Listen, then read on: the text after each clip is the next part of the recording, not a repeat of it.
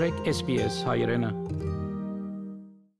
Ողջույն հարգելի ունկնդիրներ, անցաչափաթը Հայաստանում, Արցախում եւ Սփյուռքում։ Արցախը Հայաստանին կապող միակ ճանապարհը շարունակում է փակ մնալ, գազի մատակարարումը վերականգնվել է։ 8 օր էլ Լաչինի միջանցքը փակված է Ադրբեջանի կողմից, իսկ Լեռնային Ղարաբաղի ժողովուրդը ցրտին մնացել է ճանապարհներին։ Ընտանիքները հայտնվել են շրջափակման տարբեր կողմերում, առողջական լուրջ խնդիրներ ունեցող քաղաքացիները զրկված են դեղորայքից եւ առողջապահական ծառայությունից։ Հայաստանի վարչապետ Նիկոլ Փաշինյանը Twitter-ում գրառում է կատարել, հիշեցնելով, որ փակ է մնում Արցախը Հայաստանին կապող միակ ճանապարհը։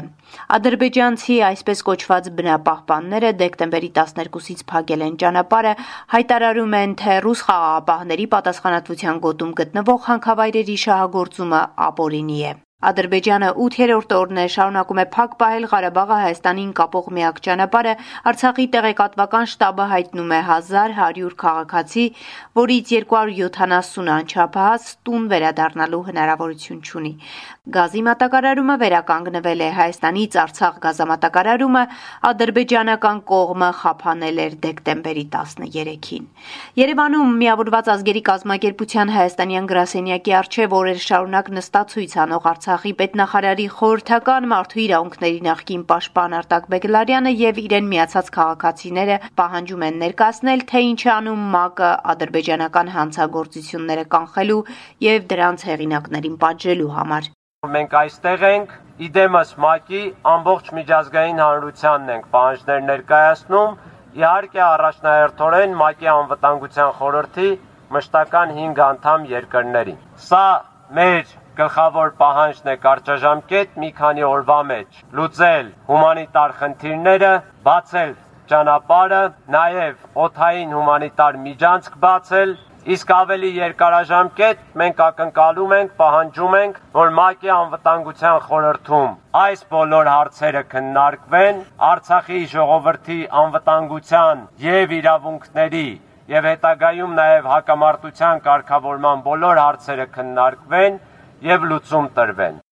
Արցախի օմբուդսմեն Գեգամ Ստեփանյանը նշում է, որ նոյեմբերի 9-ի Երակողմ հայտարարության անվտանգային դրույթները չեն պահպանվում, ուստի կարևոր է դրանք նաև միջազգային այլ մեխանիզմներով համալրելը։ 44-օրյա պատերազմից հետո ուժային բալանսը խախտված է եւ նաեւ կան ձևավորված միջազգային համապատասխան գործիքներ, որոնք մեզ պետք է օգնեն կոմպենսացնելու այդ խախտված ուժային բալանսի տարբերությունը եւ ըստ այդմ էլ պաշտպանելու մեր ժողովրդի իրավունքները եւ անվտանգությունը։ ՄԱԿ-ի անվտանգության խորհրդի 5 անդամ երկրներին, որովհետև այդ երկրները կարևոր դերակատարներն են եւ մեր կողմից փոխանցած նամակներում նաեւ հստակ այդ պահանջը կա, որ հարցը քննարկման առարկա պետք է դառնա անվտանգության խորհրդում եւ խաղապահ առաքելություն իրականացնողներին պետք է տրվի միջազգային մանդատ։ Այլ տարբերակ, քան զսպել Ադրբեջանի անպատժելիությունը, ես չեմ տեսնում։ Երևանում բողոքի ակցիաներ ու երթեր են իրականացնում նաև արցախցի երիտասարդներն ու ուսանողները այ պայմանները, որոնք պաշտոնական Բաքուն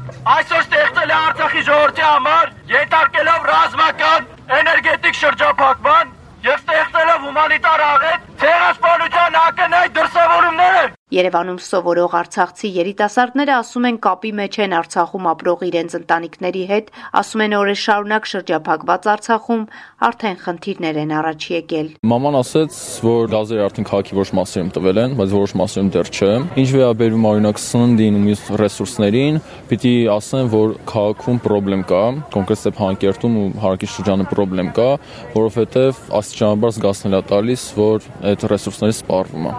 Արցախի շրջափակման հետևանքով Երևանում մնացած եւ Երևանցի մի խումբ երեխաներ էլ բողոքի ստեղծագործական ակցիա են իրականացրել ՄԱԿ-ի հայաստանյան գրասենյակի արչեւ գետնին նկարելով իրենց պատկերացումներն ու հույզերը կապված Ղարաբաղի ներկա իրավիճակի հետ։ Արցախ Ամեն ինչ շարունակվում է, ոչ մի բան չի փոխվել։ Facebook-ի եթերում հայտարարել է Արցախի պետնախարար Ռուբեն Վարդանյանը, հավելելով, որ չնայած դժվարություններին ողջևորված է տեսնելով մարդկանց կամքը։ Կյանք շարունակում է, մենք գնում ենք առաջ, ոչ մի բան չի փոխվել մեր որոշման մեջ, որ մենք պետք է միակ տարբերակն է պիտի գնանք առաջ այն ձևով, որ մեզ մեր աշխատությունը պահպանենք եւ եթե շուտով այն ձևով մենք կարողանանք իսկապես վստահել ենք, որ այդ քալերը մեզ չեն ավելի դժվար եկեք մեջն են։ Ռուբեն Վարդանյանը ասում է միջազգային համաձայնագիր է պետք, որը թույլ կտա հումանիտար ինքնաթիռներին վայրեջք կատարել Արցախում։ Արդեն նկատվում է Պարինի դիֆիցիտ դեղատներից ոչ պակաս մատակարարումների դադարեցումը զգում են Միրգ բանջարեղենի վաճառակետերը։ Խանութում էս պահին սպառվել է կաղամբը, կարտոֆիլը, գազարը, բազուկը, սոխը։ Մեքենան 5 օր է գտնվում է Լիսագոր համայնքում, ճանապարհները փակվելուց հետո չեն կարողանում վերադառնալ։ Դեր մրգեր ունենք, մրգերը կա, բայց կարտոշկա չունենք,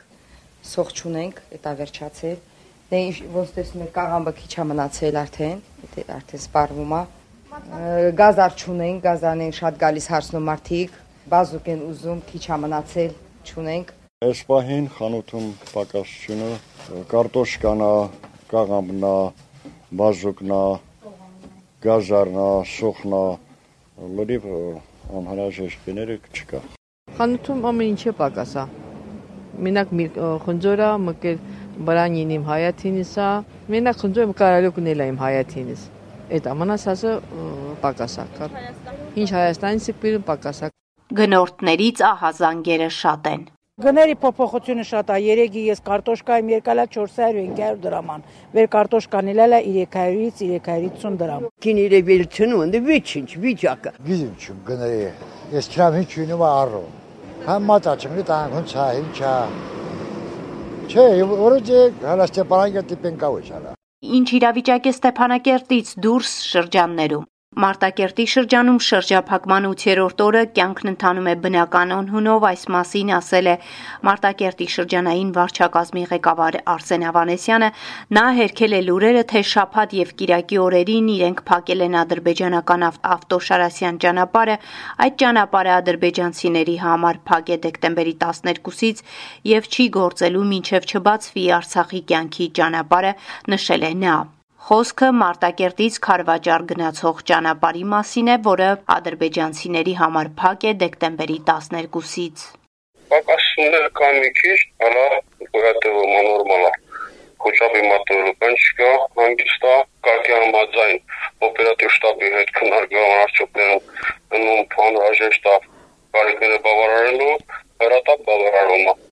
Արցախի առողջապահության նախարարության ենթակայության տակ գործող բուժ հաստատություններում շարունակում են ծանր եւ ծայրահեղ ծանր վիճակում գտնվող հիվանդներ մնալ, հիվանդանոցներում դադարեցված են բոլոր պլանային վիրահատությունները, ծանր վիճակում գտնվող մեկ հիվանդ մահացել է։ Հայ առաքելական եկեղեցու Արցախի թեմի առաջնորդ Վրթանես եպիսկոպոս Աբրահամյանի կոչն այս օրերին։ Արցախի թեմը մշտապես հravirում է իր հավատացյալների ժողովրդին աղոթական վիճակ միասնական աղոթքի կանգնելու, որովհետև առաստված աղոթքով է մարդը զորանում եւ հզորանում եւ կկարողանա համարժեք եւ լիարժեք պայծառ մտքով եւ լիահույս եւ լիաթոք հավատքով կարողանա դիմակայել բոլոր դժվարություններին։ Իրապես ծանր վիճակում ենք մենք, բայց նշածս լծակներով գործոնորը եթե առաջնորդվենք, մենք հաղթանակած դուրս կգանք այս իրավիճակից։ Անշուշտ մեր մտածումները ուզում ենք նաև մեր ժողովրդի միջոցով նաև լսելի լինի նաև մեր ժողովրդին, ովքեր ապրում են Արցախից դուրս, համախմբվեն, իրենցից դեն նետեն իրենց եսակենտրոն կեցվածքը, անտարբերությունը եւ միավորված կարողանան նշածս ձևաչափով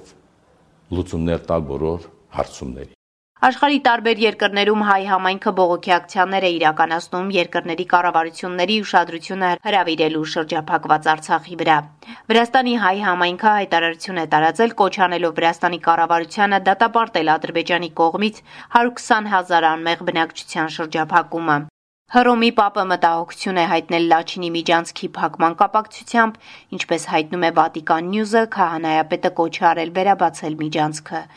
Ինձ մտահոգություն է պատճառում Լաչինի միջանցքի փակման պատճառով ստեղծված իրավիճակը։ Ես բոլորին խնդրում եմ հանձնառու լինել, խաղաղ լուծումներ գտնել հանուն մարդկանց բարօրության։ Իր գրասենյակի պատուհանից հնչեցրած աղոթքից հետո ասել է Հռոմի Պապ Ֆրանցիսկոս Սրբազան քահանայապետը։ Ադրբեջանը դեկտեմբերի 12-ից մինչ այս պահը շարունակում է փակ պահել Արցախն աշխարհին կապող միակ մայրուղին Բերձորի, Լաչինի միջանցքը կեղծ բնապահպանական պատճառաբանություններով։ Այսքանը անցած շաբաթը Հայաստանում, Արցախում եւ Սփյուռքում SBS-ի համար ամփոփեց Գիտա Իլբեկյանը։ Կուզես լսել նման բանություններ, կընտրե Apple Podcast-ի, Google Podcast-ի, Spotify-ի վրա, կամ որտեղեն որ podcast-ը դուք լսես։